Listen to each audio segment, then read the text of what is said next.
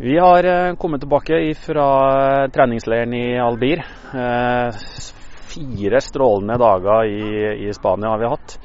En eh, seks treningsøkter. Så fikk vi en kamp mot et antatt sterkere lag fra Ålesund som heter Herr. De spiller i andredivisjon, eh, hvor vi går seirende ut 3-2.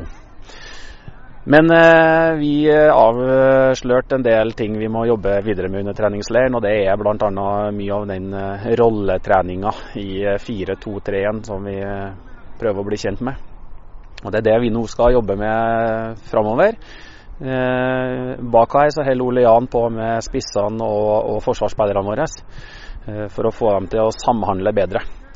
Vi eh, ser at eh, vi er ikke gode nok foran boks, verken i vår egen boks eh, eller i, dem sin, eh, motstanderen sin boks. Så nå skal vi jobbe med det framover en god stund. Til søndagen så skal vi ut i første NM-kvalikkamp for jenter 19. Der eh, er det Nanset som er motstanderen. Og det blir en eh, god pekepinn på hvordan vi eh, ligger an akkurat nå.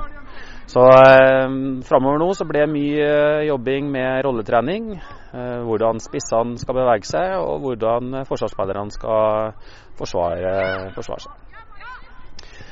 I dag er det onsdag. Vi har eh, med oss hospitanter fra Jenter 16 på Eik, og vi har også hospitanter fra Flint eh, Jenter 16. Så eh, onsdagene der har vi også et godt innslag av yngre spillere som skal få lov til å prøve seg på et høyere nivå. Og vi har fått til et veldig godt samarbeid med Flint, og det er vi veldig glad for. Flint er sammen med Eik de to største jenteklubbene i, i, i Vestfold. Og, og, sammen så kan vi få til noen store, store ting her i Tønsberg.